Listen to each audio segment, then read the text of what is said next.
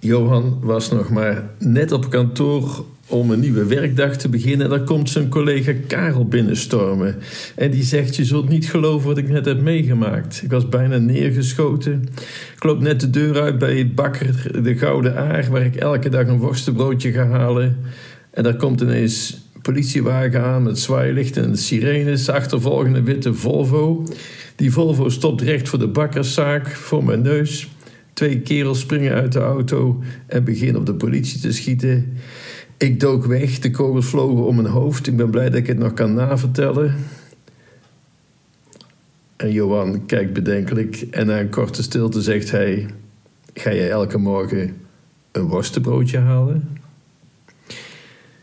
Oké, een onnozel verhaaltje, maar u snapt, zo'n reactie slaat natuurlijk helemaal nergens op. Horen, maar niet luisteren. Dat komt vaak voor.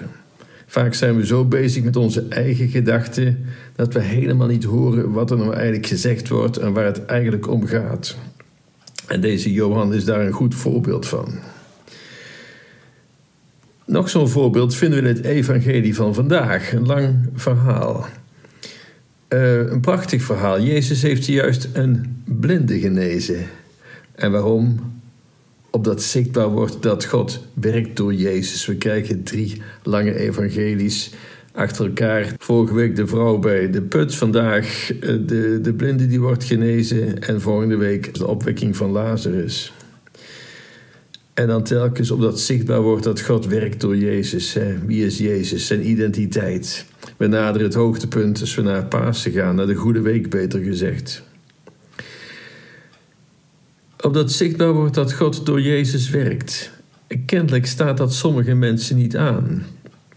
Maar in plaats van te kijken wat er nou werkelijk is gebeurd, hè, die genezing van die blinde, en te luisteren naar wat die blinde zegt, verliezen ze zich in, in de gekste details die er helemaal niet toe doen.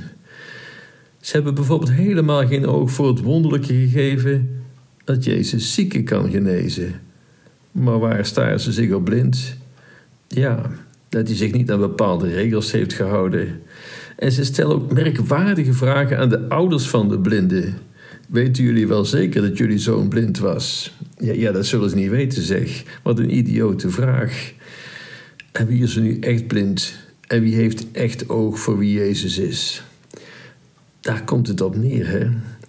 Een, een rare opmerking is ook: we weten dat deze man, die blinde, een zondaar is. Dat is merkwaardig, want hij was blind geboren. Hoe ze dat weten is ook al niet duidelijk en wat het ermee te maken heeft nog minder. Dat hij blind was en daardoor het leven voor hem miserabel was, dat interesseert ze dan kennelijk weer helemaal niet. Ze, fixeren zich erop dat hij een zondaar is en blijkbaar is het dan je eigen schuld dat je zoiets overkomt. Al bij al overkomt de blinde hetzelfde als, als Karel in mijn verhaaltje. Er wordt helemaal niet geluisterd waar het nou om gaat en ze zien totaal niet wat er gaande is. Eerlijk gezegd, wij doen vaak hetzelfde. Als je hoort dat er ergens een aanrijding is, is de eerste vraag: reed hij te hard? Had hij gedronken? En als we horen dat iemand ernstig ziek is, willen we weten of hij te veel rookt of ongezond leefde, of nooit naar een dokter heeft willen gaan. En dat zijn bijzaken. Hoe gaat het met de mensen zelf? En toch, ook wij zijn ertoe geneigd allereerst te kijken wiens schuld het is, in plaats van geïnteresseerd te zijn in de persoon, in het slachtoffer, in de zieke. Van hé, hey, hoe gaat het daarmee? We zijn geïnteresseerd in de, niet in de zieke, maar in de ziekte. Het is een vorm van blindheid. De fariseeën in het evangelie die gaan nog een stap verder. Ze willen het niet horen. Ze blijven maar vragen stellen, onnozele vragen. En, en de genezen blinde die wordt er bijna moedeloos van. Dat heb ik al gezegd, maar je luistert gewoon niet. In plaats van zich te verheugen over het feit dat deze man weer kan zien en zijn leven totaal is veranderd, volharden zij in het punt, in het standpunt: Jezus kan zeggen wat hij wil, we willen het niet horen en we willen het niet zien. En ook als hij het duidelijk laat zien, we willen het niet zien. Met hun ogen en oren is niks mis, maar hun harten zijn versteend. Zo gaat het vaak, ja, helaas vaak in, in onze wereld. Als die grote de aarde samenkomen.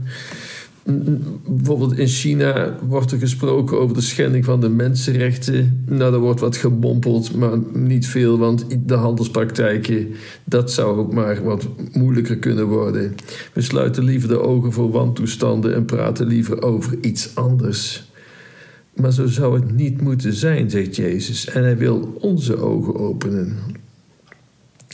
Zo gaat het ook bij ons dichter bij huis. We vragen om een open kerk met ruimte voor ieders opvattingen. We vragen om een meer democratische kerk, om een kerk die meer aansluit bij seculiere opvattingen. En horen liever niet waar Jezus het eigenlijk om te doen is. Bekeer je. Geef God de eer die hem toekomst. Wees vergevingsgezind. Zorg voor degene die het het hardst nodig hebben voor je iets kunt doen, zonder je af te vragen of ze het wel verdienen. Laat dat maar aan God over. Sluit je ogen niet voor de nood in je eigen familie, je eigen buurt, je eigen omgeving. Gun iedereen het zijne, wens elkaar het beste toe en draag daar een steentje aan bij, wat er ook mocht zijn voorgevallen in het verleden en wat het je ook mogen kosten. Durf te luisteren naar het woord van Jezus en moffel dat niet weg door je te verliezen in bijkomstigheden en pietluttigheden waar het helemaal niet om gaat. Allemaal smoesjes verzinnen om maar geen gevolg te geven aan wat Jezus, aan wat de kerk, aan wat het geloof van je vraagt. En ja, dat is heel wat. Moed, opofferingsgezindheid, een consequente houding. En in deze tijd van het jaar bijvoorbeeld vasten. Zeg niet dat is iets van vroeger. Het is gemakzucht. Zeg ook niet, ze hebben ons vroeger iets wijs gemaakt en daarom doe ik er niet aan mee. Wie dat zegt, is gewoon blind en die is gewoon doof. Die wil niet zien, niet horen dat dit gewoon van ons gevraagd wordt. En ook als hij zegt, ik wil het niet of het lukt me gewoon niet om dat vaste op te brengen. Oké, dat is dan ook niet geweldig, maar dan bent u tenminste eerlijk. Laten we vandaag met een oprecht hart naar Jezus gaan met het gebed van de blindgeborene. Heer, geef dat ik zien kan. Jezus wil zo graag ons leven verlichten, zo graag ons laten zien dat het anders kan, dat wij veranderen en er betere mensen van worden. Dat zal anderen goed doen en onszelf. Laten we eerlijk zijn. Het geloof van de kerk, het geloof van Jezus, moet zich niet aan ons aanpassen. Stel dat het wel zo was, wat zou het dan nog voorstellen? Kijk eens hoe het gaat in landen om ons heen waar ze dat echt mee bezig zijn. De neergang is daar groter dan ooit overigens. Kijk naar wat Jezus doet, luister naar wat Hij zegt en trek dan uw conclusies. Spreek, Heer, spreek, want ik luister. Ik wil doen wat u doet. Breek,